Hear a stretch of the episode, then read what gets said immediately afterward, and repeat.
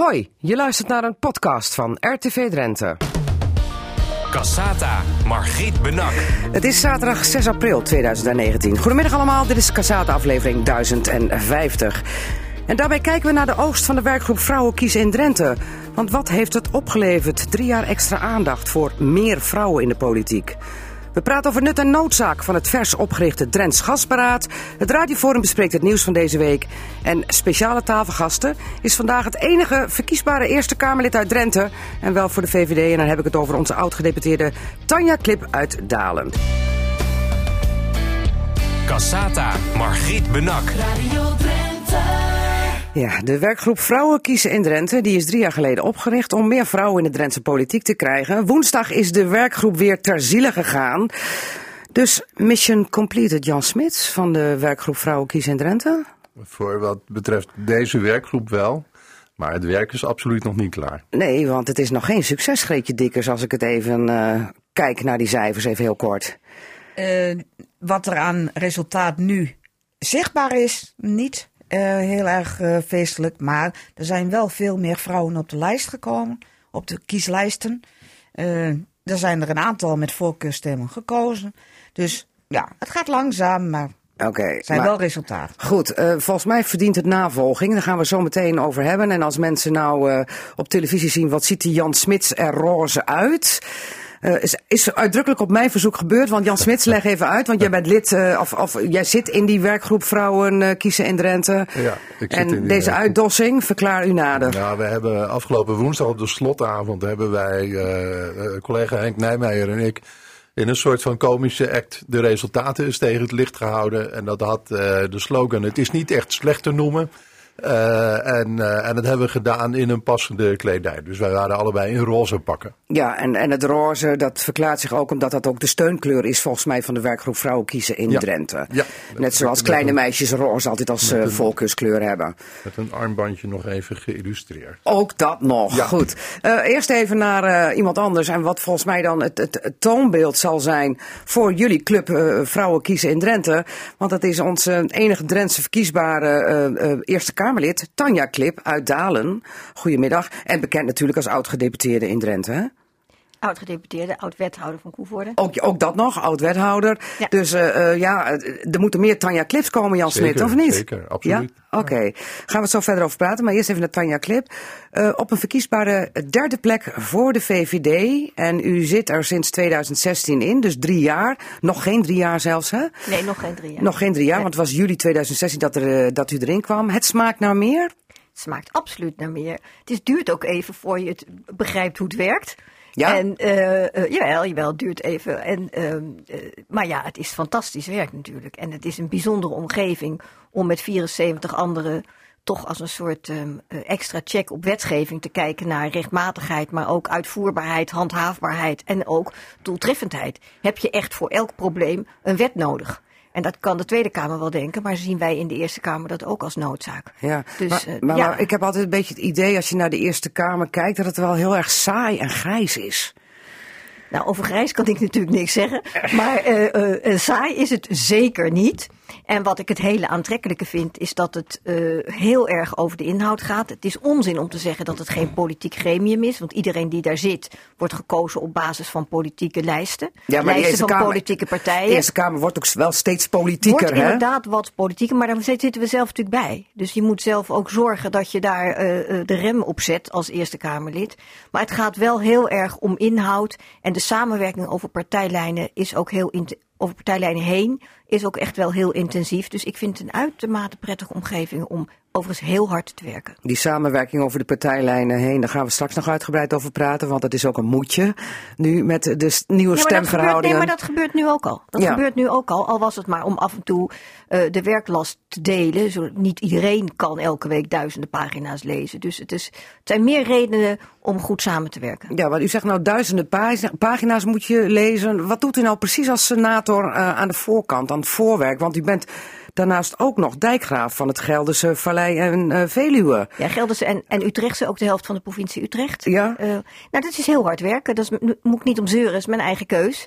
Maar de Eerste Kamer is toch zeker wel twee dagen werk. En dijkgraaf is ook fulltime, dus ik uh, werk ook stevig in het weekend. Ja, en, en dan ook nog naar Dalen terugrijden. Ook nog naar Dalen terugrijden. Ja, Ja, maar en dat dat- is alleen maar heerlijk. Maar wat bezielt dan iemand als u om dit allemaal te willen?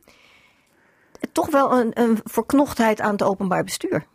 En de combinatie tussen het eh, dijkgraaf zijn eh, in, bij een waterschap, wat een hele functionele democratie is, en toch de algemene democratie van de Eerste Kamer. Die combinatie is, als je nogmaals verknocht bent aan het openbaar bestuur, is een hele mooie combinatie. Ja, u was al wethouder, u bent gedeputeerde geweest, u bent dijkgraaf, is eigenlijk ook openbaar bestuur. Dan ook nog Eerste Kamer. Dan denk ik, wat mist er nog in het rijtje? Nou, niks. Ik Nee, ben heel niks. tevreden. Ik ben Ja? heel tevreden nu. Ja, de Tweede Kamer mist nog in het rijtje, maar een andere functie nog. Nee, maar Tweede Kamer heb ik nooit geambieerd. En, ehm, eh, want ik ben een mens wat heel erg van de inhoud is. Ik ben Ja. net herbenoemd als dijkgraaf. Eh nog gefeliciteerd trouwens. Voor, dank. Vermoedelijk kom ik weer in de Eerste Kamer. Nou, deze combinatie wil ik nog wel even volhouden. Ja, en u bent 64, dus u kunt nog een paar jaartjes mee als Sinds het gaat om het week, openbaar bestuur. sinds vorige week 65. Oh, gefeliciteerd dus. Nog een keertje. Ik heb iets gemist. Ik, nee, ik wist niet dat u al jarig was geweest. Maar goed, we, we- we praten eh, ja, nog even naar u als enige verkiesbare Drent. Dat wil ik toch nog even zeggen, want we hadden natuurlijk, of we hebben nog Greetje de Vries van het CDA uit Nieuwbuinen, ook oud-gedeputeerde in Drenthe. Hans Engels woonde in Drenthe, eh, eh, al lang niet meer, maar dat beschouwden we toch ook altijd een beetje als ons Eerste Kamerlid uit Drenthe voor D66. U bent nog straks de enige, want deze beiden stoppen allebei. Ja, dat klopt. Ja. Ja. Ja, is dat zonde voor Drenthe?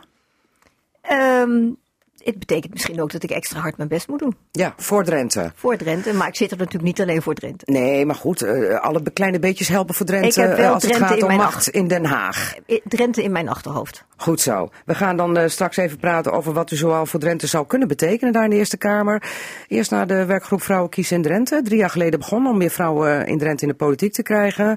Want dat was nodig, Jan Smits. Vooral waarom? Ja, dat was nodig. Eh, Ik, ik vind dat als je, als je samen de volksvertegenwoordiging bent, dan moet de volksvertegenwoordiging ook een goede afspiegeling zijn van het volk, zal ik maar zeggen. Ja. En, en Drenthe bestaat voor ongeveer de helft uit vrouwen en de andere helft zijn mannen. Ja. En het Drentse parlement bestaat voor nou, bijna 80% uit mannen. Dus ergens in die verhouding klopt er iets niet. Nee, maar is het niet een utopie om te denken, Greetje Dikkers, dat je ooit op 50-50 komt als het gaat om verdeling man-vrouw in pro- bijvoorbeeld provinciale staten of anders gemeenteraden?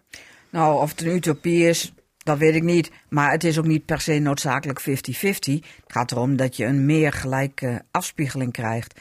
En wat er nu is op dit moment, wat Jan aangeeft, eh, 20% vrouwen, 80% mannen, dat is niet in balans.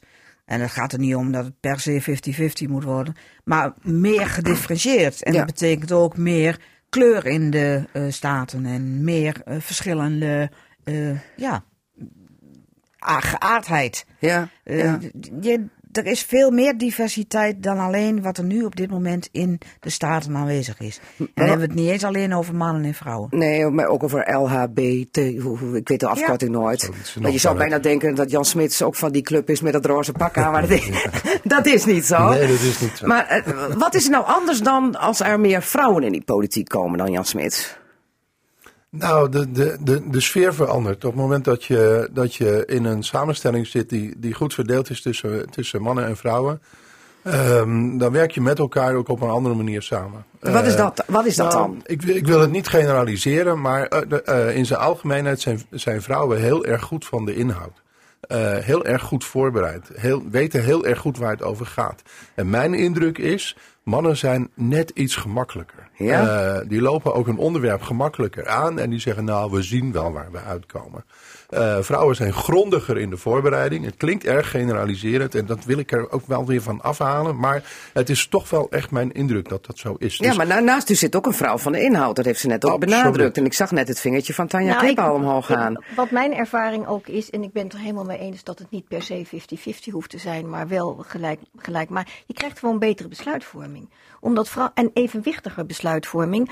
Omdat vrouwen misschien wel vanuit die benadering van de inhoud vaak beginnen met eerst vragen te stellen. Over het algemeen, ook niet generaliserend, beginnen mannen meteen te zenden.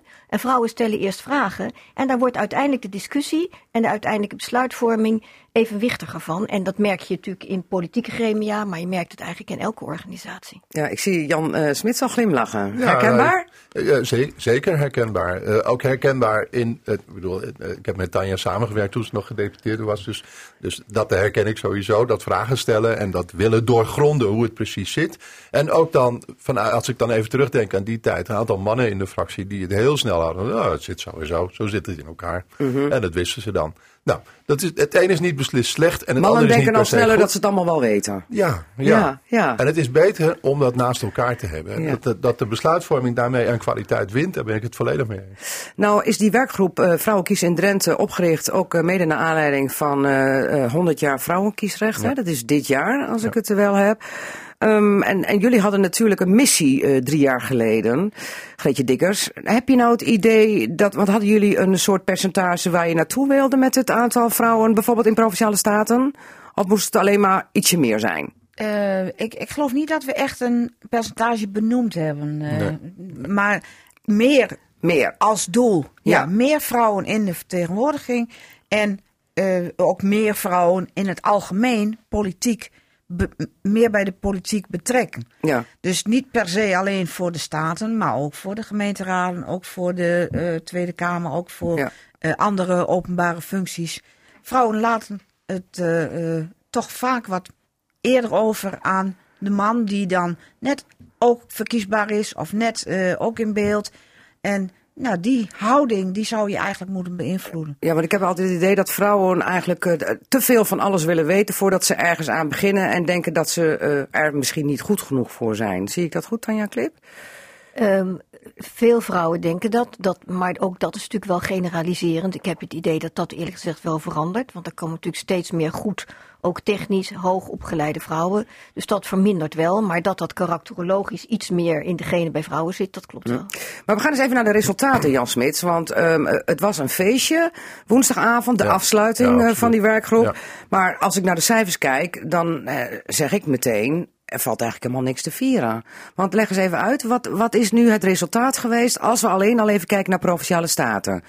Nou, het resultaat is dat we een lichte toename hebben gehad van het aantal vrouwen in de, in de Staten. We zijn van 10 naar 11 gegaan. Nou, Ik, ik, kom er wel op meer trouwens hoor, want u zegt nou van 10 naar 11. Ik tel er in ieder geval 12 en straks misschien wel 13 als eh, Henk Brink weer gedeputeerde wordt. Want Ja. dan schuift er een dame naar voren. ja, dat zou kunnen. Maar op dit moment is de stand is echt 11. 11? We hebben nu 11 vrouwen in gedeputeerde staten. En afhankelijk van wat er In gebeurt. provinciale staten. Eh, sorry, maar heb in, je eh, Eline in verder wel meegerekend? Eh, ik ja, kom, ja, ja, ik kom echt tot 12, maar misschien heb ik niet goed geteld. Nou, dus dan heb ik nog eh, iets meer succes. straks even precies Dan naast gaan we het even vergelijken.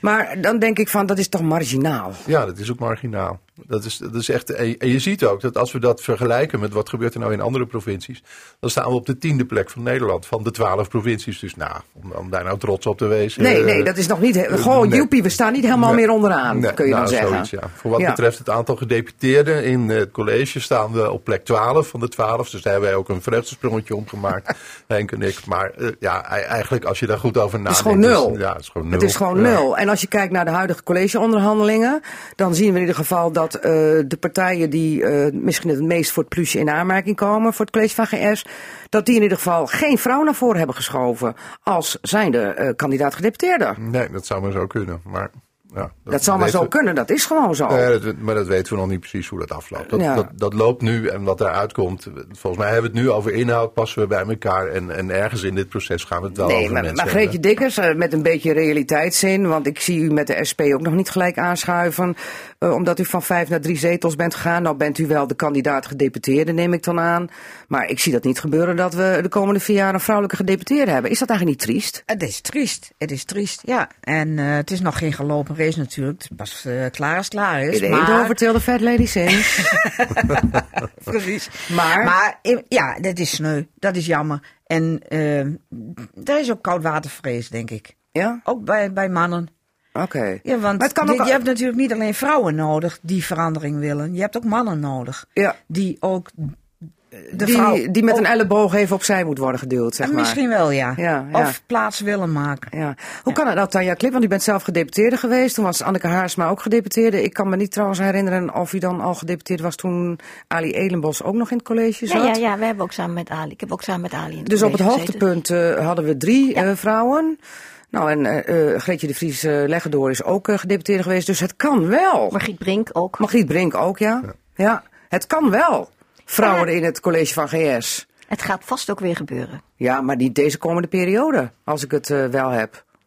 Nou ja, ik denk inderdaad, het is pas klaar als het klaar is. Maar het ziet er niet op dat punt heel veelbelovend uit. Nee, nee. Is dat toch eigenlijk niet een foutje eh, ook bij de partijen Jan Smits? Ja, ja, dat is absoluut een foutje.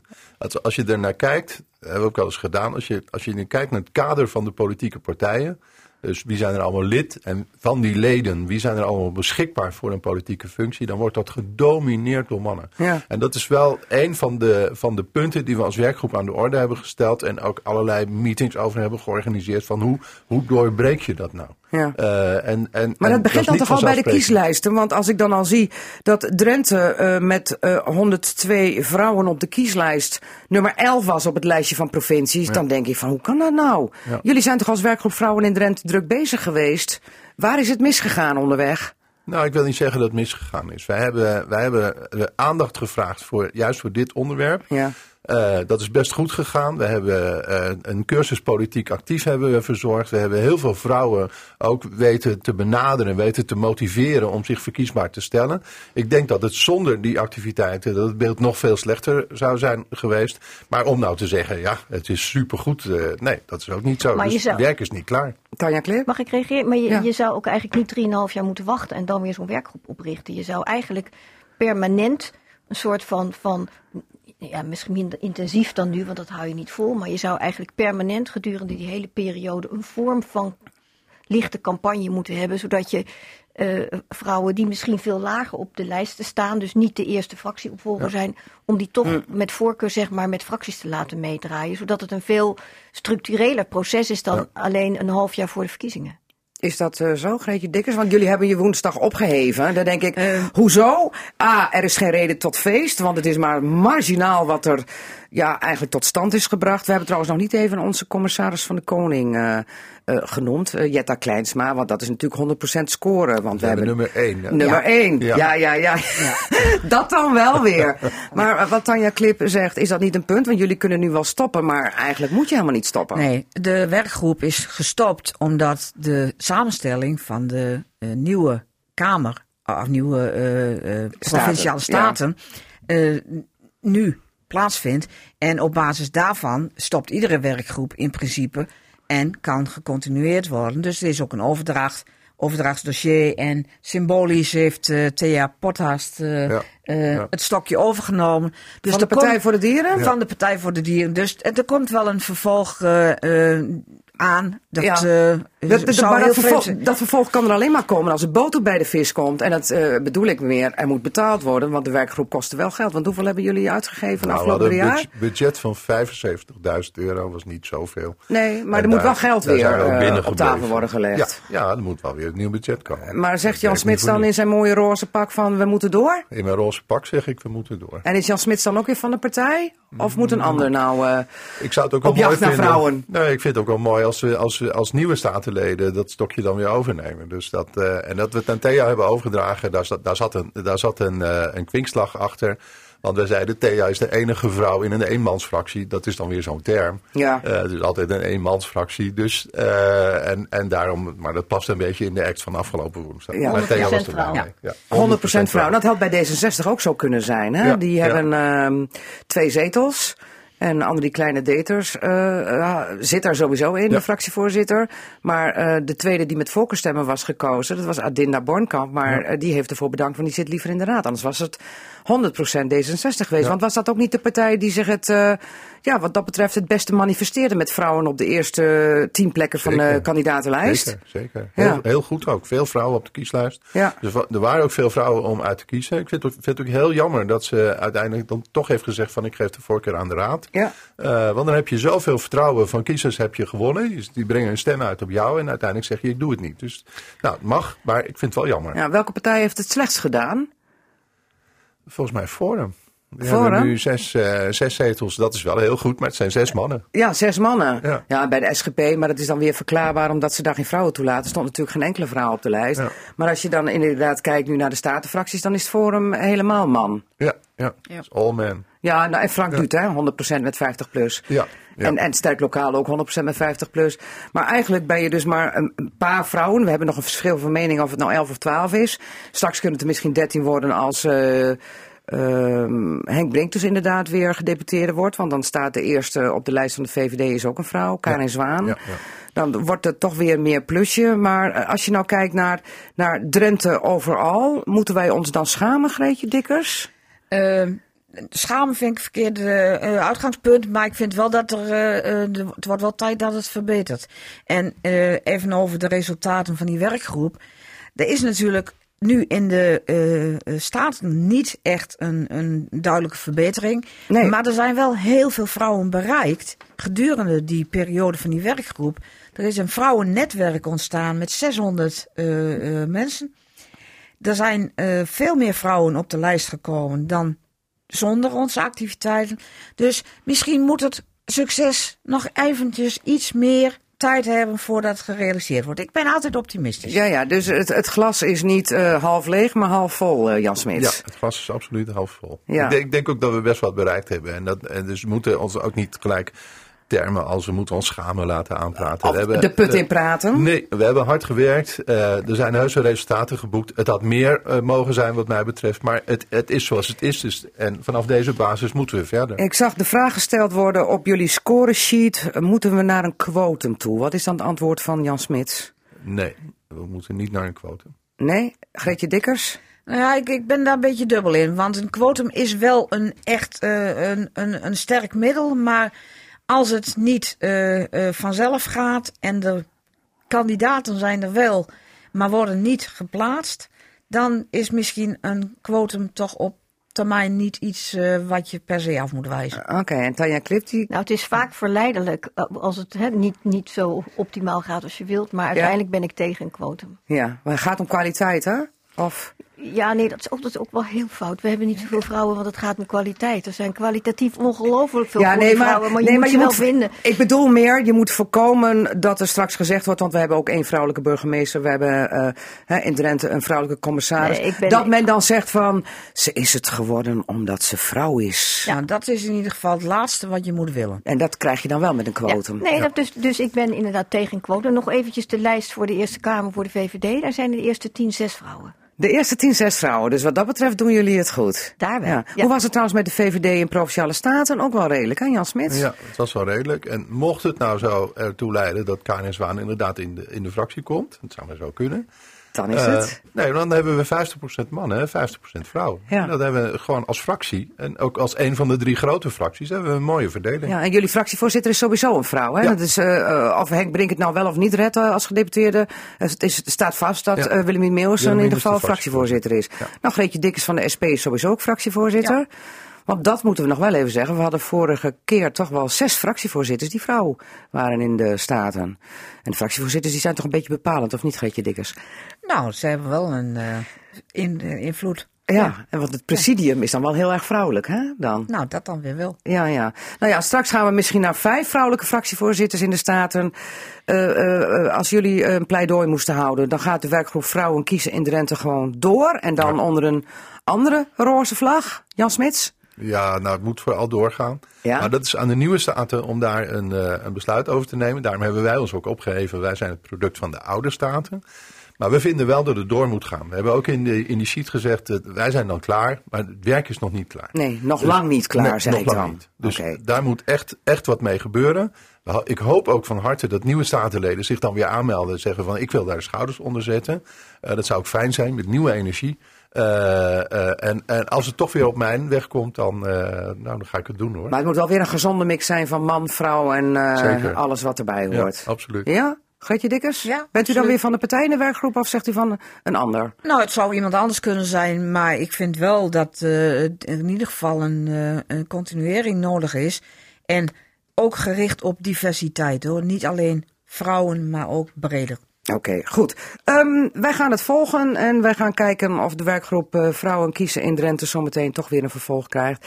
In ieder geval, ja, alle kleine beetjes helpen. Het is nu een heel klein plusje, maar volgens mij is er eh, werk aan de winkel. Jan Smits en Greetje Dikkers van de werkgroep Vrouwen kiezen in Drenthe, die inmiddels ter ziele is sinds woensdag. Dank voor jullie komst.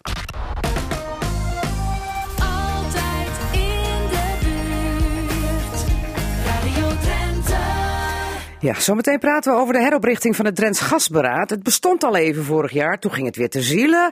En nu is het deze week toch echt van de grond gekomen met als voorman John Franke uit Zuid-Laren.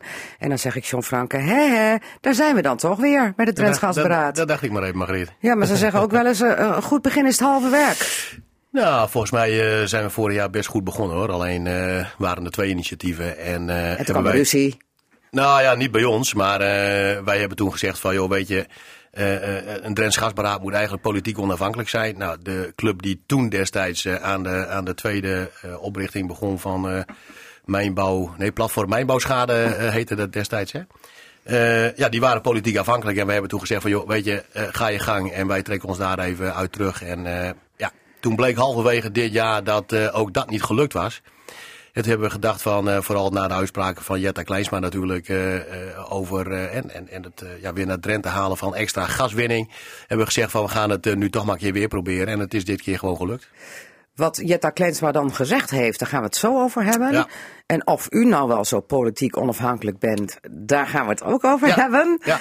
Want we gaan eerst even naar de speciale tafelgasten. Tanja Klip, onze enige senator straks in Spee in de Eerste Kamer. Want ehm, eh, twee Drenten die erin eh, zitten nog wel, of nou ja, eigenlijk is Hans Engels van D66 al lang geen Drent meer, maar die woont al anderhalf jaar in Groningen. Margreetje de Vries voor het CDA, die is ook nog senator. Nou, Tanja Klip, u was eh, in juli 2016 ingeschoven in de Eerste Kamer. Maar u bent nog de enige Drentse die nu verkiesbaar is voor die Eerste Kamer. Ehm, en dan denken mensen wel eens Eerste Kamer, Eerste Kamer, ja, dat kiezen we niet. Vertel nog even, hoe gaat dat ook alweer, dat kiezen voor die Eerste Kamer? Want ja, we hebben eigenlijk al gekozen hè, voor de Eerste Kamer, getrapt. Ja, dat klopt. We hebben in Nederland indirecte en directe verkiezingen. Nou, directe verkiezingen zijn de verkiezingen voor gemeenteraden, provinciale staten en ook de waterschappen. En de Tweede Kamer. En de Eerste Kamer wordt getrapt, indirect verkozen, namelijk leden van provinciale staten kiezen leden van de Eerste Kamer. Ja, en toen ging het bij de verkiezingen voor provinciale staten eigenlijk alleen maar over die Eerste Kamer. Want het was toch wel heel belangrijk hoe de verhoudingen daar kwamen te liggen. En daar baalden de Drentse politici ontzettend van. Snapt u dat? Ja, dat begrijp ik heel goed. Ja. Ja, en ik denk niet alleen Drentse politici, politici Ja. ik denk politici in die elf andere provincies ook. Ja. En eh, ja, nee, dat begrijp ik heel goed. En dat kwam natuurlijk ook door de ongelooflijk grote aandacht die ook door de media is gegeven aan Forum voor Democratie. En daardoor werd het heel spannend of de zittende coalitie, dus het kabinet, nog wel een meerderheid in de Eerste Kamer zou houden. Nou, dat is niet het geval. Dat Nee. was ook al te voorzien. Aan de andere kant, als je terugkijkt in de geschiedenis, zijn er ongelooflijk veel kabinetten die geen meerderheid hadden in de Eerste Kamer. Waar toch hele zinnige wetgeving uit is voortgekomen, omdat die Eerste Kamer niet, niet louter, of eigenlijk sowieso niet politiek kijkt. Maar we hadden het er net ook over. Natuurlijk is het ook een politiek gremium, omdat je op basis van politieke lijsten gekozen wordt, indirect gekozen wordt. Maar eh, het politieke stempel is daar veel minder en daar wordt echt inhoudelijk gekeken naar de kwaliteit van wetgeving. Dat hoopt u, of dat, dat verwacht u, maar is dat met Forum voor Democratie ook wel zo, gezien ik- wat ik- ze de afgelopen weken allemaal geroepen hebben? Ik hoop het en ik verwacht het, maar het verleden laat ook zien dat het daadwerkelijk zo gebeurd is. En eh Forum van Democratie komt natuurlijk eh, fors de Eerste Kamer in, net als op een aantal andere plekken in provinciale staten. Ehm, maar goed, we gaan het kijken. We hebben een manier van omgaan met elkaar en wetten behandelen. En eh, we gaan kijken hoe Forum zich eh, daar wel of niet bij aanpast. Maar het is te vroeg om te zeggen dat ze dat per definitie niet zullen doen. Dus ehm, we wachten het af. U gaat het zien en dan heeft u te maken met toch een voor origine Drentse boerenzoon, namelijk Henk Otten. Kent u hem? Nee, ik ken Nee? hem niet. Ik ken eigenlijk niemand. Maar dat geldt niet alleen voor mij, geloof ik, bijna niemand van, Van de kandidaten eh, Ja. voor Forum. Je bent wel verbaasd. Forum geeft bijvoorbeeld aan dat ze eh, met die forse meerderheid, of die, die, die, in ieder geval die, die forse aanwezigheid in de Eerste Kamer. Ja, want ze zijn de grootste, hè? even voor Ze alle zijn de duidelijkheid, grootste, met 13. krijgen, krijgen naar verwachting 13 zetels. Maar het, een van de punten die ik Thierry Baudet hoorde zeggen, Thierry Baudet hoorde zeggen was, we gaan iets aan de koopkracht doen. Nou, als er iets is waar de Eerste Kamer niet over gaat, is het over koopkrachtverbetering. Dus ze moeten zich misschien nog even inlezen. Ja, want de Eerste Kamer gaat vooral over het aftikken van nieuwe wetten, hè? wetgeving. Nou, niet aftikken, eerst, eh, eh, eerst Ja. consequent controleren op, allerlei zaken. Ik ga en door de bocht. En vervolgens akkoord gaan. Maar nou pleitte Kees Bijl van de Partij van de Arbeid, de lijsttrekker hier in Drenthe, ervoor. Gezien alle aandacht die voor de Eerste Kamer er was en ook gezien de verkiezingsuitslag waarbij Forum voor Democratie eh, de grote winnaar was. Dat wat hem betreft het kiesstelsel eh, over de kop moet als het gaat om het kiezen van provinciale staten die dan weer vervolgens indirect eh, de Eerste Kamer kiezen. Vindt u dat, gezien wat er de afgelopen weken gebeurd is, dat dat een terechte opmerking is? Nou, ik ben daar niet meteen voor. Ik denk ook dat je heel zorgvuldig moet zijn om voortdurend ons hele democratisch bestel met alle kiesmethoden die er zijn over de kop te gooien. Want we hebben nog wel andere problemen dan om hierover na te dan, hè, andere problemen dan dit. Aan de andere kant heeft de commissie Remkes, onder leiding van Johan Remkes, net een heel lijvig rapport afgescheiden over hoe je zou kunnen kijken naar ons hele democratisch bestel.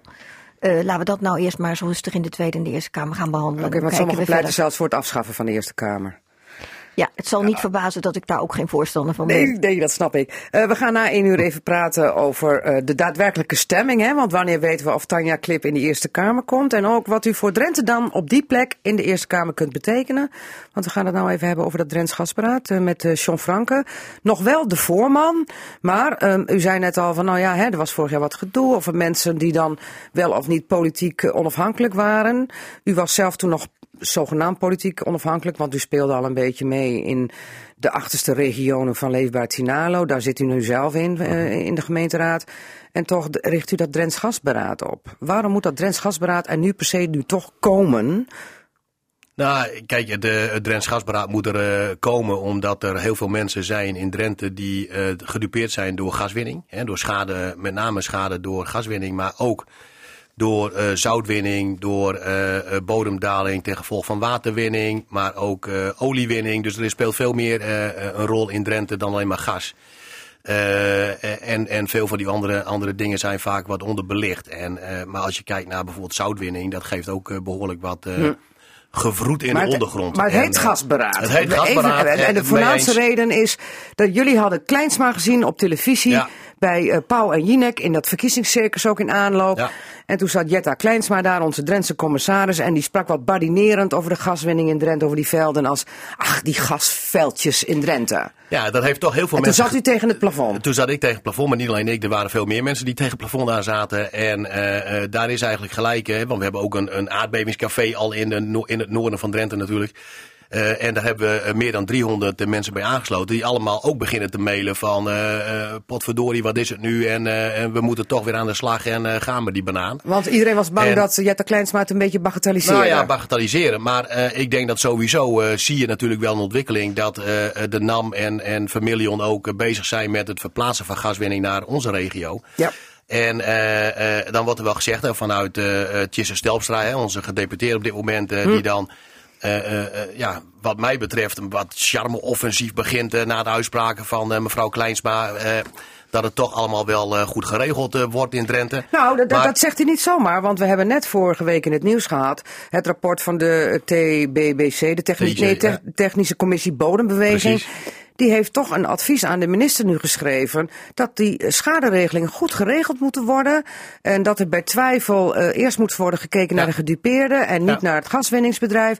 En Tjesse Stelpstra die was zichtbaar opgelucht en blij Ja. dat die technische commissie Bodembeweging die de minister adviseert allerlei zaken heeft opgepikt die Drenthe had geadviseerd. Ja, en daar zijn we natuurlijk ook eh, wel heel tevreden over. Alleen, eh, je zegt het zelf al, hè, het is een advies wat de TCBB geeft. Nou, de TCBB heeft al meerdere adviezen gegeven, ook in Groningen.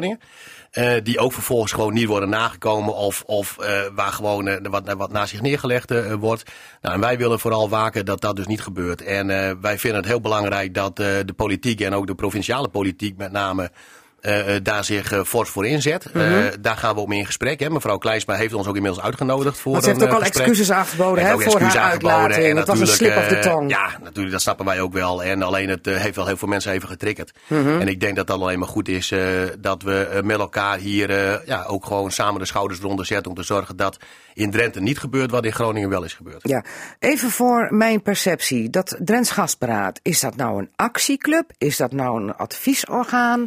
Of is het nou een overlegpartner? Ja, we willen eh, met name geen actieclub eh, zijn. Hè. We gaan ons niet eh, vastketenen aan, aan hekken van de NAM. Dat absoluut niet. We gaan, eh, eh, de bedoeling is dat we in gesprek gaan met, de met de overheid, met, eh, met de betrokken partijen zoals een Vermilion, een NAM, noem maar op. Van eh, En- hallo, hier zijn wij. Hallo, hier En zijn wij, Als precies. hij plannen heeft in Drenthe, eerst even met ons Kom eens met overleggen. ons overleggen en kom met ons afspraken maken eh, eh, voor alle gedupeer of alle mensen die daarbij eh, betrokken zijn. En eh, eh, anderzijds zijn we ook voornamelijk een eh, platform eh, voor eh, informatie. Eh, mensen weten bij God niet waar ze moeten zijn. Ze weten niet hoe het werkt. Eh, eh, we krijgen vragen over, eh, ook inmiddels ook vragen over, over mensen, van mensen die angstig zijn. En dan niet zozeer angstig van eh, stort mijn huis in, maar wel angstig van waar gaan we in belanden als er weer zo'n beving komt. Hè? Wat voor Ja. ja, ja, wespennest is misschien ook wel zwaar, over, zwaar gezegd. Het maar kastje muurverhaal. Het kastje naar de muur verhaal. Groningen, en noem maar op. Nou, en wij, Groningen wij is hebben- daar het toonbeeld van. Toonbeeld Precies, van maar Groningen heeft natuurlijk ook ontzettend veel geleerd. En wij hebben ook inmiddels contact met het Groningen Gasberaad. Hè, met met eh, nou, onder andere ook Annemarie Heijten, die dan daar niet bij zit. Maar wel natuurlijk een Ja. boekbeeld is en heel veel kennis heeft. Maar ook eh, ehm, eh, de, de mensen van het Groningen Gasberaad die ook aangegeven hebben bereid te zijn om ons eh, te helpen. Dus dat Ja. is alleen maar goed. Ja, want dat wou ik juist vragen. Waarom moet je nou het wiel opnieuw uitvinden terwijl je al een Gronings gasberaad Nou, dat gaan we hebt? zeker niet doen, eh Margriet. We gaan zeker eh, eh, alle kennis die er is bij het Groningen Gasberaad eh, gebruiken om ook voor Drenthe eh, goede dingen te bereiken. Want zij zijn natuurlijk eh, gepokt en gemazeld Ja. daar waar het gaat om eh, overleg. Eh, maar Annemarie Heijten had wel een belangrijke waarschuwing. Wat was die vooral? Eh, die was vooral, eh, pas op dat je geen onderlinge ruzie krijgt volgens mij. Of doe je daar niet zo Ja, nou ja, die, die, wel, die zei vooral Ja. van laat je, als je dan toch met de overheid aan tafel schuift, je niet eh, vooral beïnvloeden van, goh, ik zit met de overheid aan tafel. Ja. En dat je al snel de oren laat hangen naar wat zij zeggen. Precies. Nou, en ik denk dat dat ook, eh, want eh, in het begin van het gesprek net hebben we al gezegd van politieke onafhankelijkheid. Ja. Maar anderzijds denken we ook dat dat helemaal niet verkeerd hoeft te zijn om een, stuk, een stukje politieke kennis erin te hebben omdat je toch, nou ja, vaak wel weet hoe de, hoe de haasjes lopen. Je hebt ook wel ingangen die een ander niet heeft. Eh, en, en je bent ook vaak. Ja, eh, want dat, dat is goed dat u dat nou even aanroert, want dat wilde ik dan wel even naartoe Ja. over die politieke onafhankelijkheid. Vorig jaar was die politieke onafhankelijkheid reden voor mensen om te zeggen van eh, Ja. die club deugt niet, want die is politiek gekleurd. Ja. Maar nou bent u zelf ook politiek gekleurd, want u zit bij Leefbaar Tinalo. Nou heeft hij niet direct een vertegenwoordiger in Den Haag, dus wat dat betreft... bijna, hè, bijna. Bijna, bijna. En dat is met Met OPD, hè? Met OPD. ja, nee, nee, nee, de OSF die krijgt. OSF. de OSF, ja, maar die, die, die, OSF, die- maar- maar Ja. die valt er buiten. Ja, die valt er buiten. Ja, Ja, waarschijnlijk dus, wel. Ja. Dus die vallen er buiten, Maar ik dus denk die dat is dat, weg. ook een, eh, dat dat ook een gevolg is van eh, natuurlijk de enorme opkomst van, eh, van Thierry Baudet. Hè. De, die heeft ook lokaal ja, maar daar best heeft, wel... ja, maar daar heeft u nou niks aan, want die willen nee, door met die de willen door met het gas. Dus, de, de, Dus daar des heeft te u meer niks reden, aan. Nee, maar des te meer reden om eh, te zorgen dat er een offensief komt. En, eh, en even terug naar de politiek, hè, want dat is waar je, waar je op doelde. Ehm, eh, er is gewoon eh, vanuit de burgerij, zeg maar, eh, ja, argwanend, kijk met argwanend naar die politiek. Hè, van dat zullen wel vriendjes zijn van elkaar en vriendjespolitiek. Want dat Ja. is denk ik de onderliggende gedachte. Ehm, eh, wij hebben daarom ook gezegd van wij gaan in ieder geval zorgen dat we het Drents Gasberaad gaan oprichten en dat dat stabiel gaat worden. En op het moment dat dat zover is, en daar hebben we maximaal een half jaar aangezet voor mijzelf. Ehm, eh, eh, dan stap ik daar ook uit en moet het uh, Drents Gasberaad gewoon politiek onafhankelijk draaien. Ja, en wat voor En, lieden komen daar dan in? Want het moeten wel mensen zijn die Nou, ook hebben ervaring hebben. Want u ja. heeft zelf ervaring hè, met ja, we hebben bijvoorbeeld Co Vester, nou wel bekend. Ja, maar die is natuurlijk ook zo gekleurd als maar kan. Want nou, die was vroeger wel, SP dat- en dat later wel. OPD. Ja, maar dat zeg je Margriet. Maar hij heeft nu geen is- zetel, dus hij moet iets doen met zijn Ja, tijd. maar hij heeft op dit moment hij heeft wel heel veel kennis. En hij heeft wel heel veel ingangen. En hij, heeft wel, hij weet wel hoe de politiek werkt. Ja. En eh, is niet meer eh, eh, politiek betrokken in die zin dat hij geen zetel heeft. Maar wat ik net ook al aangaf, het is wel belangrijk dat er ook mensen in zitten die wel de wegen weten te bewandelen. En dat is Code natuurlijk wel. Ja, ja. En, en noem nog eens wat mensen die gepokt en gemazeld zijn. Nou, we hebben er ook, ook een aantal gewoon echt, nou ja, ik vind al de raar voor me echt burgers in zitten die echt helemaal nul met politiek te maken hebben. We hebben Ronald Stokenbroek uit Zuid-Laren bijvoorbeeld, gewoon een gedupeerde Ja. van de gaswinning en eh, eh, schade, zeg maar. Eh, we hebben Roelof de Jonge uit uh, Drouwen en Veen, ook gewoon een burger die betrokken is bij, bij deze problematiek. Eh, en zegt van joh, ik wil me daarvoor inzetten. ja. En, Maar, we en, zijn, en waarom eh, kan het dan niet zo zijn dat u zelf als John Franke, ook ervaringsdeskundige in verband met scheuren in uw huis in Zuid-Laren, dat u dan ondanks uw activiteit voor Leefbaar Tinalo er dan niet in kunt gaan zitten? nou, dat- dat- Wat is er dan we- mis we met gaan- die nou, politieke kleur wel of niet? Ja, dat vind ik zelf ook niet. Alleen eh, eh, eh, de algemene opinie is wel dat eh, al snel gezegd wordt van ja, maar jij zit in de politiek, dus je zult wel eh hè, vriendje, vriendje, vriendjes. En, Mm. en, en nou, dat willen we gewoon voorkomen. Maar we gaan het zien. We hebben in eerste instantie gezegd, we gaan een half jaar eh, dat, eh, dat eh, met elkaar oprichten. En over, en over dat half jaar hebben we met elkaar gewoon een evaluatie en gaan we zien hoe dat loopt. Dus mensen kunnen bij u terecht voor informatie. Hè? Ja. Want stel eens voor dat er een beving komt in mijn gebied. die gaswinning in Drenthe die gaat volop door. Wat, waar moet ik mij toe wenden? Ja. Wat voor regeling is er? Maar u zit dan ook als overlegpartner aan tafel bij NAM en Vermilion, hoopt u? Ja, daar gaan we wel vanuit. En, Ja. eh, eh, Heeft u al laten weten, hallo, hier zijn wij, Ja, we zijn ja, zeker. opgericht? Ja, ja, zeker. En, eh, we En hebben- wat werd we er toen gezegd? We hebben ook wel reactie gehad, dus ze gaan ook wel met ons in gesprek. En, Ja? ja, en, en, en we gaan eerst, volgens mij 13 mei zitten we met de commissaris van de Koning om de tafel en de gedeputeerden. En gaan we eerst, maar- eerst maar eens kijken van waar staan we nou eigenlijk als provincie. Ja. En, en van daaruit rustig, rustig de boel aanpakken. We zijn geen actiegroep, we zijn een, een, een groep om de Drenthe te vertegenwoordigen in deze Ja, eh, lastige eh, problematiek. Goed, u zegt u bent geen actiegroep, maar toch lees ik uit op de uitnodiging. De burger heeft recht op een harde aanpak richting de NAM en Ja. andere partijen die aardbevingen veroorzaken. Dat lukt alleen als we ons gaan groeperen. Is toch een beetje activistisch? Ja, maar je mag toch wel een beetje eh, op de trom slaan, vind ik. En, eh, maar hard eh, kan op verschillende kanten zijn, hè? Oké. Ehm, moeten mensen lid worden? Hoe gaat u dat Nee. organiseren? Nee, mensen kunnen zich gewoon aanmelden bij uh, info.drensgasberaad.nl. De website hebben we ook al en die wordt de komende tijd opgetuigd. drensgasberaad.nl. En eh, mensen kunnen zich daar gewoon aanmelden en inschrijven voor een nieuwsbrief. En eh, die krijgen dan van ons alle informatie eh, periodiek toegestuurd. En als ze vragen hebben, kunnen ze zich bij ons melden. Ja. Nou heeft u zelf te maken gehad met schade. Is dat nu opgelost keurig in Zuid-Laren? Ja, volgende week donderdag, vrijdag komen er weer bouwvakkers de laatste dingen bij, bij ons huis doen. En dan hopen we met een week of twee alles weer picobello in orde te hebben. En u bent een tevreden gedupeerde. Ik ben, ik eh, blij, ik ben blij dat eh, de schade is opgelost, maar ik heb er wel hard voor moeten vechten. Ja, goed. Ja. Oké, we gaan het volgende. Drents Gasberaad. Goed idee, Tanja Klip, even kort. Drents Ik Gasberaad. denk eh, om, om kennis en kunde en, en belangenbehartiging te bundelen lijkt me prima. En als gesprekspartner op te treden. Maar ik denk dat het vooral ook belangrijk is dat je naar elkaar luistert. Ja, absoluut. Goed. Nou, we gaan zien of ze naar elkaar luisteren en eh, of ze nu langer in de lucht blijven dan eh, vorig jaar. Ga er maar vanuit, Margriet. John Franke van het Drentse Gasberaad. dankjewel. Succes met al jullie activiteiten. Of eigenlijk hoop ik eigenlijk dat je helemaal niet in beweging hoeft te komen. Omdat er geen aardbeving is. Maar we gaan het allemaal zien. Margriet Benak. Ja, er werd net al druk gedebatteerd over onze Kees Bijl. Ja. En eh, Tanja Klip is speciale tafelgasten vandaag.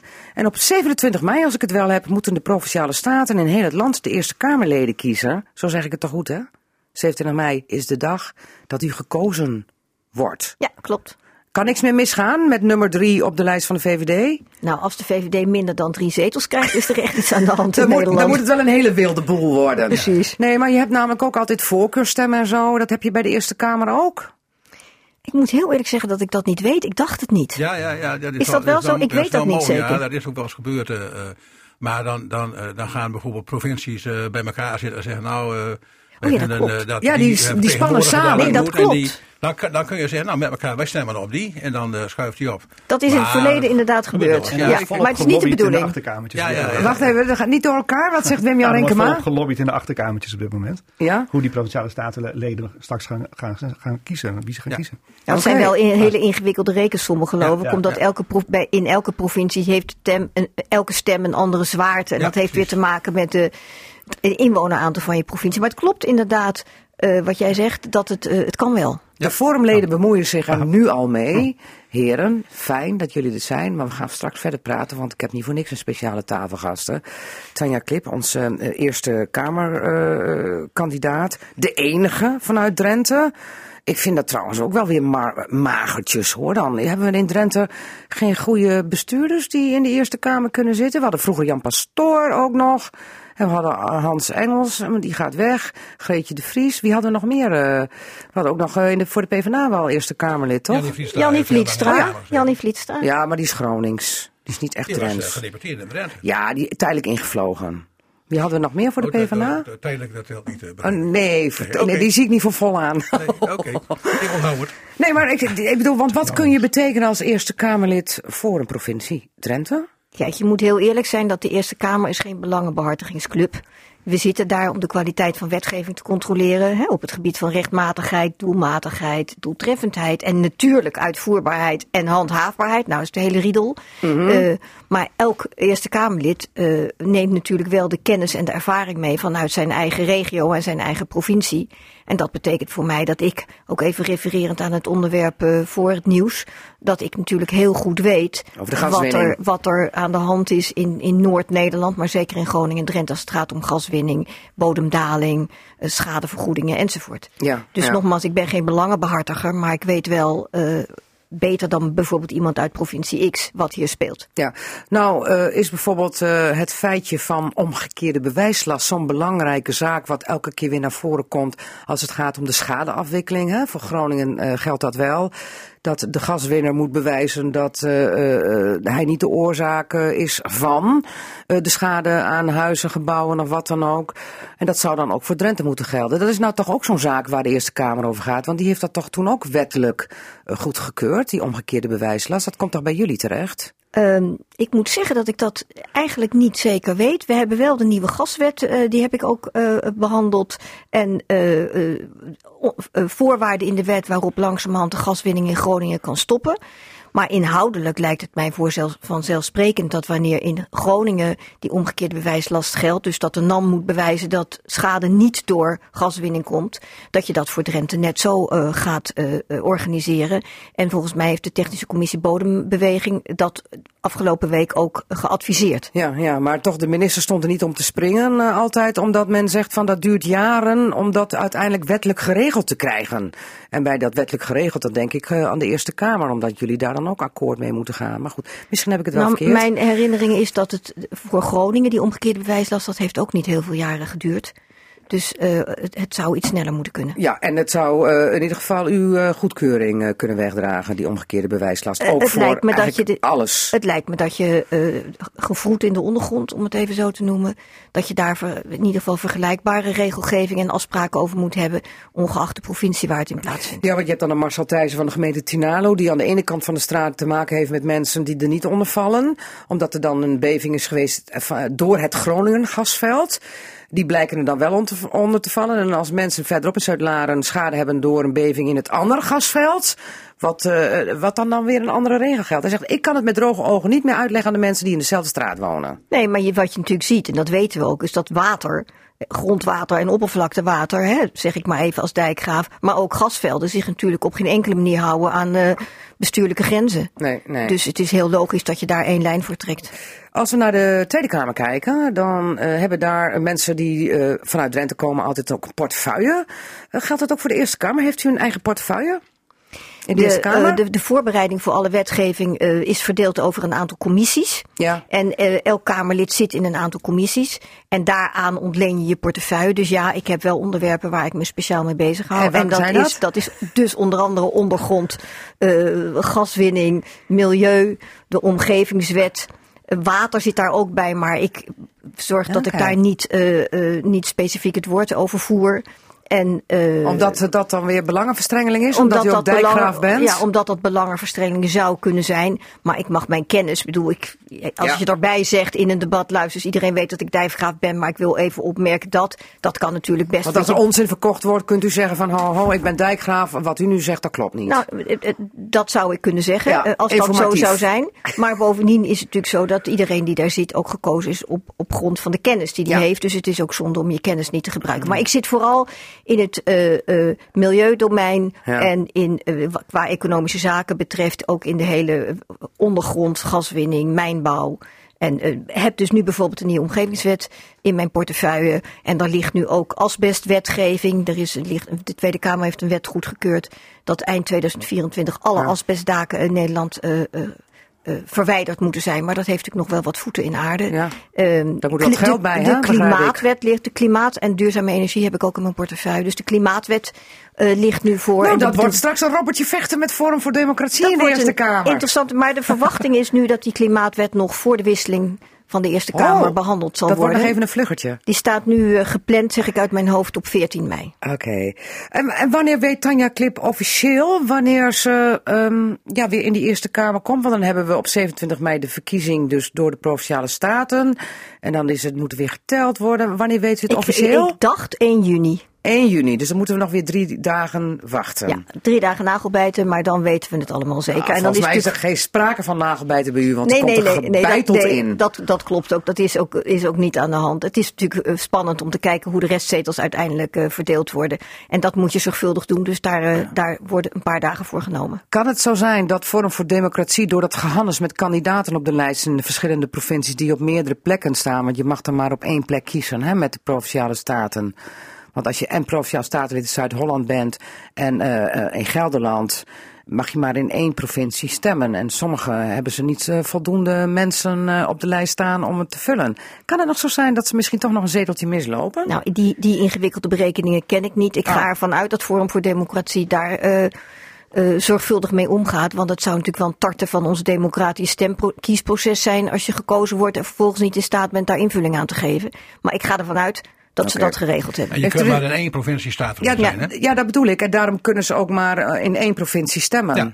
Je Dus kunt maar in één provincie statenlid zijn, maar je kunt wel statenlid zijn, Eerste Kamerlid en ook lid van de Ja. gemeenteraad van Amsterdam. Dat kan dan wel weer. Maar goed, dat, het, het En gaat elke nu andere even, gemeenteraad. Het gaat nu even, eh, eh, komt het aan op de stemming. In ieder geval nog even dan na 27 mei drie dagen nagelbijten. En dan zit Tanja Klip weer voor vier jaar in de Eerste Kamer. Daar verheug ik me heel erg op. Oké, goed. Nou, wij gaan u volgen en eh, kijken eh, hoe spannend dat gaat worden in de Eerste Kamer. Voor zover het spannend kan worden daar. Hoogste tijd voor iets anders. Cassata, het radioforum. Want spannend wordt het wel een beetje in Drenthe. eh, Want ik dacht van de week ook toen het bekend werd: wat doet Kees Pel nou?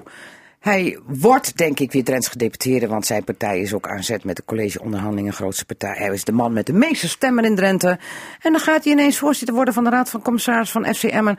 Terwijl FC Emmen ook nog een nieuw stadion moet hebben. En dan denk ik: is dat niet een beetje gek? Heb, dat, heb je dan straks niet een dubbele pet? Wim Renkema van GroenLinks uit Meppel. Oh, ik moet jullie altijd even laten voorstellen, maar jullie hadden net al even meegekwebbeld.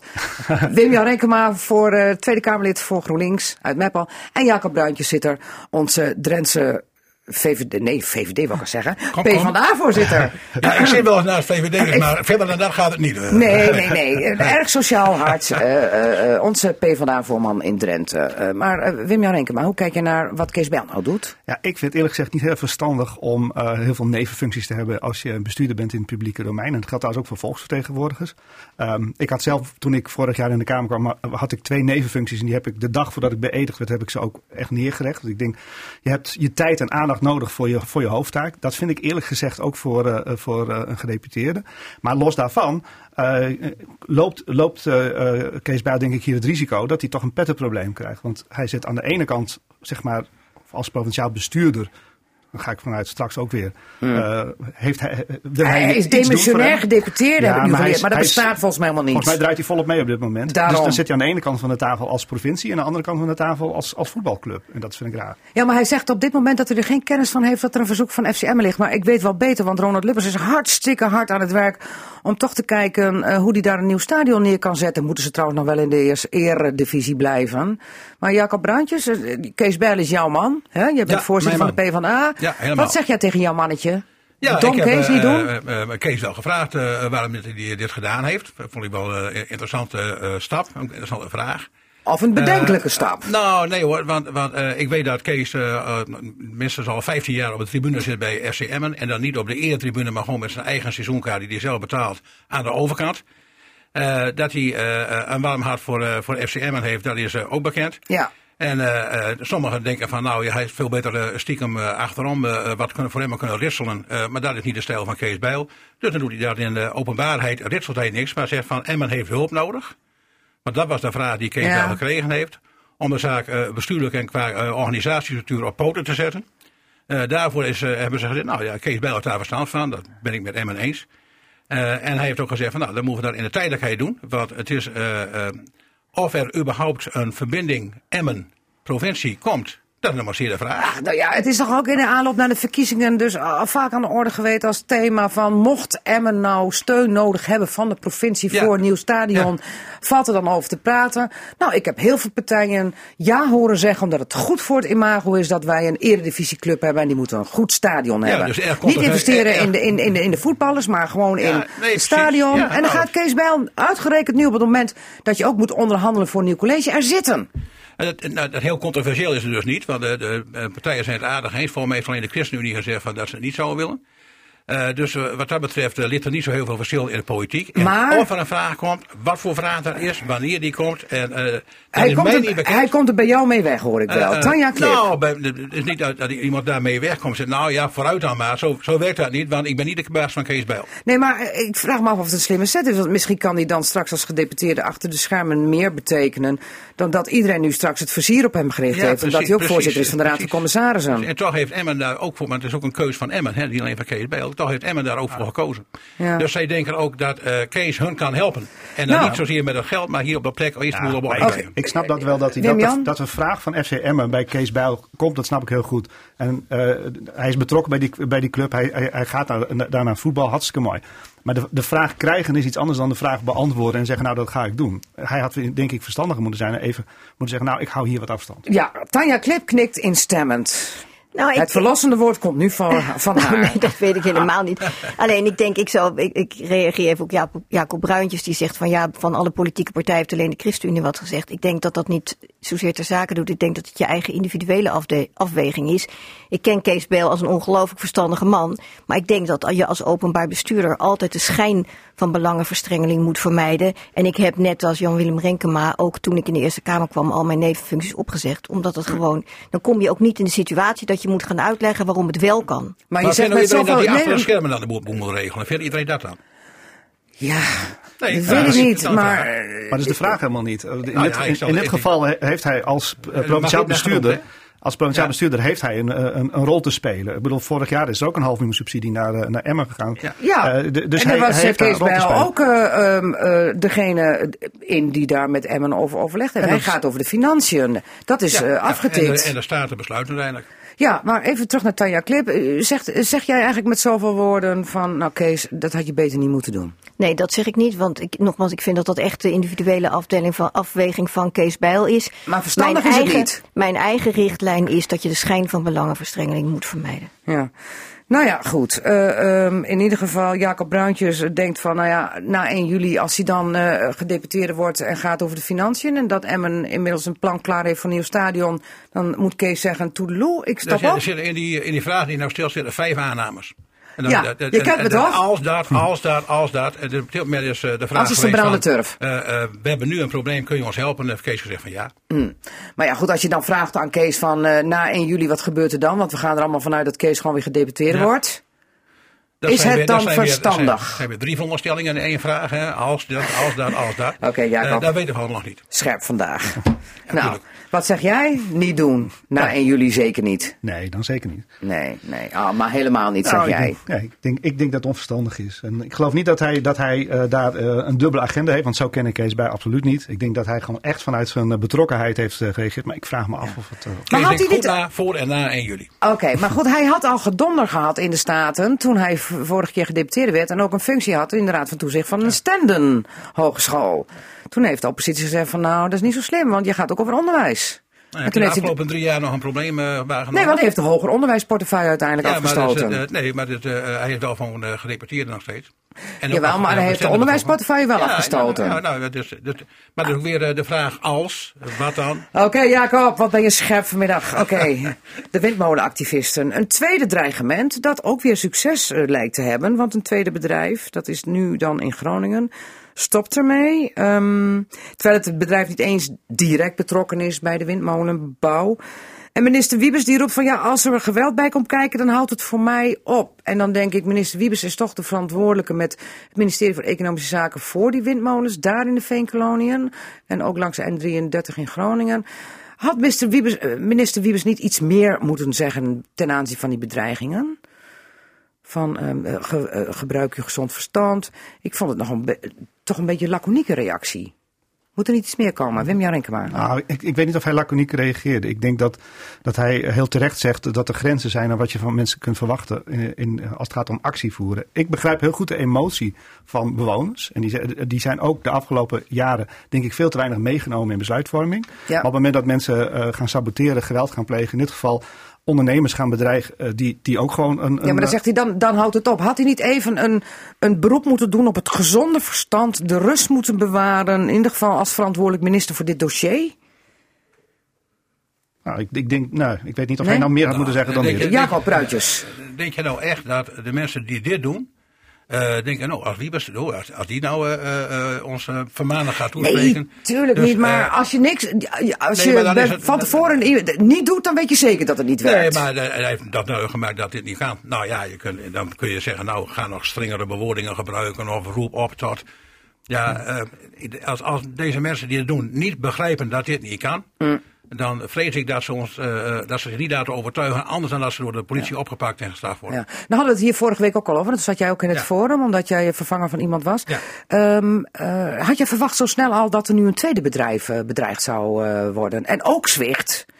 Nee, dat eerlijk gezegd niet. Omdat ik ook uit het Venkoloniaal gebied, waar ik regelmatig vertoef, ook heel veel mensen hoor die eh mordicus tegen windmolens zijn. Maar die allemaal zeggen, maar dit kan gewoon absoluut niet. Eh, eh, dus ook in het gebied zelf is er veel weerstand tegen deze acties. Dus ik had niet verwacht dat dit nog weer zou gebeuren. Nee, nee. Tanja Klip, wat, wat vind jij ervan dat dit Nou ja, ik nu voor ook, de tweede keer gebeurt? Ja, nou ja, en eigenlijk al de vierde of de vijfde keer, want er is hiervoor natuurlijk Ja, is er ja. asbest gestort en, Ja. en zijn er. Maar ik bedoel nu echt rechtstreeks bedreiging van bedrijven die zich vervolgens Nou, dan terugtrekken. Ja, nou ja, ik, ik deel natuurlijk de mening van. Ik vind ongehoord, onbestaanbaar eh, niet te tolereren. Hoewel ik best begrijp dat er emoties zijn, maar er zijn gelukkig ook heel veel eh, normale mensen. Ik vind het bovendien ook heel onverstandig, want je maakt je gebied hierdoor voor ondernemers heel onaantrekkelijk. Ja. Want ondernemers denken van, nou ja, als dat hier gebeurt, eh, eh, waarom zal ik me hier dan nog vestigen? Dus ik vind het ook op de langere termijn, los van het feit dat het gewoon niet te tolereren is, onverstandig. Bovendien kun je regionale bedrijven hiermee kapot maken, want het zijn wel hele grote klussen waarmee zij aan het werk kunnen. Ook. En er is ook gezegd van, hè, als de windmolens er dan toch komen, dan moet eh, de regio er zelf zoveel mogelijk profijt van hebben. Met eh, werknemers van bedrijven in de regio. En ja, daar wordt hiermee een streep Ik doorgezet. begreep, maar dat heb ik uit de krant, dat de initiatiefnemers ook hebben aangegeven dat ze gewoon doorgaan met Ja, de klopt. regionale ondernemers te betrekken. Ja, maar ja, goed, op een gegeven moment zijn natuurlijk de regionale bedrijven eh, wel op als er elke keer weer gezwicht wordt voor bedreigingen. Ja, hè, dat want de- risico is er en dat is, du- daarom is het dus inderdaad heel onver- onverstandig, los van het feit dat het niet te tolereren is. Nou zegt eh, een privédetective, eh de bedrijven moeten niet zwichten. Dat zei vorige week een deskundige ook, want daarmee geef je de mensen hun zin. En als je toch doorgaat, kun je misschien die mensen pakken als ze dan toch dat bedrijf gaan letterlijk eh, gaan aanpakken. Ehm, is dat wat de, de privédetective zegt verstandig of snap je eerder het bedrijf dat zwicht?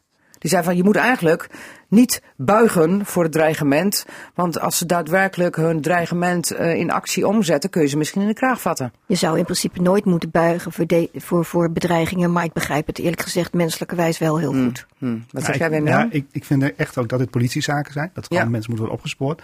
En ja, wat me wel eh, aan het hart gaat, is dat eigenlijk in, in dorpen ook een sfeer ontstaat van wantrouwen en angst. Hè? Dat, dat mensen eh, over en weer, voor, voorstanders, tegenstanders, eh, dat, dat, dit, dit doet iets in, eh, in de streek. En dat, eh, dat vergeten mensen als ze alleen maar bezig zijn met, met, met, met, met hun belang. Van zeggen, nou we willen het hier niet hebben. Hoeveel schade je gewoon Ja. ook doet emotioneel. Ja. eh, in- Maar ook in je econo- eigen- emotioneel Ja, en economisch. allebei. En Ja. deze actie vergroot weer eh, eh, de splitsing in het gebied. Ja. Ja. Vergroot weer tegenstellingen tussen mensen. En ik denk dat het laatste wat het gebied nodig heeft, is dit soort tegenstellingen. Maar denk jij niet dat dan aan de andere kant nu mensen toch, omdat deze activisten, ehm, eh, sommigen worden, eh, worden hè, ze noemen terroristen of het crimineel gedrag, dat het maar een heel klein clubje is dat de meeste mensen nu toch zeggen van hier nemen wij afstand van, dat dat toch ook weer niet de mensen weer meer bij elkaar brengt? Ja, je, weet, je weet het niet, maar eh, je weet wel dat eh, als je met vijf mensen bij elkaar gaat zitten en een, een, een, een plan bedenkt, dat je dit ook zou kunnen doen. Ja, ja, ja want het Dus hoeft maar een heel klein niet- clubje te zijn. Het hoeft niet heel veel draag. Dat, de idee dat, ik heb in de veenkolonie geen draagvlak, zelf geen draagvlak voor deze acties kunnen, kunnen constateren. Nee, nee. Goed, we gaan eh, afwachten wanneer, het, eh, wanneer ze opgepakt worden of wanneer een nieuw dreigement volgt. Eh, even heel snel nog naar de Lelylijn. Eh, dat is eh, de spoorlijn, de snelle spoorlijn vanuit eh, Groningen via Drachten en dan door de Flevopolders naar Amsterdam. Daarvan heeft het kabinet deze week gezegd van ah, het is veel te duur en het, het komt niet bij ons op de agenda, geen sprake van. Terwijl toch in het noorden stemmen opgingen om dat wel te doen. VNO-NCW Noord, eh, vooral de werkgeversorganisatie, pleit daarvoor. En ik geloof dat het stom uit de oren kwam bij Alfred Weling, de voorzitter, dat nou het kabinet het wegpoetst. Wat zeg jij, Wim, Wim? Maar want hij zegt van, je moet niet naar de kosten kijken, je moet naar het bereikbaarheidsprobleem over tien jaar kijken. Nou, ik vind dat hij gelijk heeft. Het feit dat elke twintig jaar deze discussie weer uh, terugkomt. Zuider, eerst heet het Zuiderzeelijn. Ja, nu heet het de Lelylijn. Maar dat, dat, dat het gaat over een snelle verbinding van het noorden met uh, de Randstad. Maar ook met het achterland in Duitsland en richting Scandinavië. Dat, het, dat die discussie elke twintig jaar terugkomt, dat is een teken aan de wand. En ik denk dat je moet investeren. Uh, als je kijkt naar de krimp in het noorden maar ook uh, de bereikbaarheid uh, richting Randstad, dan, dan maakt het echt verschil uh, hoeveel treinminuten je, je, moet reizen. En je ziet dat nu bijvoorbeeld bij Zwolle, dat zo'n stad echt opbloeit, dankzij het feit dat die Hanselijn de verbinding met Amsterdam echt aanzienlijk korter heeft gemaakt. Tanja Klip knikt instemmend. Ja, nee, ik ben het Jij ook. bent ben, voor die Lelylijn? Ja, ik ben het helemaal eens met VNO-NCW. Je moet echt vooruitkijken. En in het begin is het niet rendabel. Dat gold ook voor de Betuwlijn. En um, je moet inderdaad vooruit investeren. En er wonen dadelijk 19 miljoen mensen in dit land. Je ziet nu al, toevallig gisteren zag je wat uh, statistiekjes uh, op bij het uh, NOS-journaal, dat de wens om in de stad te wonen iets is afgenomen en de wens van mensen om meer buiten te wonen iets is toegenomen. Dat is ook voor veel mensen bittere noodzaak in het kader van prijsontwikkeling ja. enzovoort. Maar als je echt wilt dat, dat Noordoost-Nederland, of dat nou Groningen of Drenthe is, leefbaar blijft, dan moet je zorgen dat mensen in de Randstad kunnen werken en hier kunnen wonen. En dan heb je echt zo'n snelle verbinding nodig. Ja. En dan moet je gewoon in een uur van Groningen in Amsterdam zijn. Het moet niet tien minuten schelen, want dan is het niet okay. aantrekkelijk genoeg. Het laatste woord is aan Jacob Bruintjes. Ja, je moet uh, altijd, uh, wat je vaak ziet, is dat men alleen maar kosten en baten kijkt. En dat kosten en baten alleen maar in termen van geld liggen.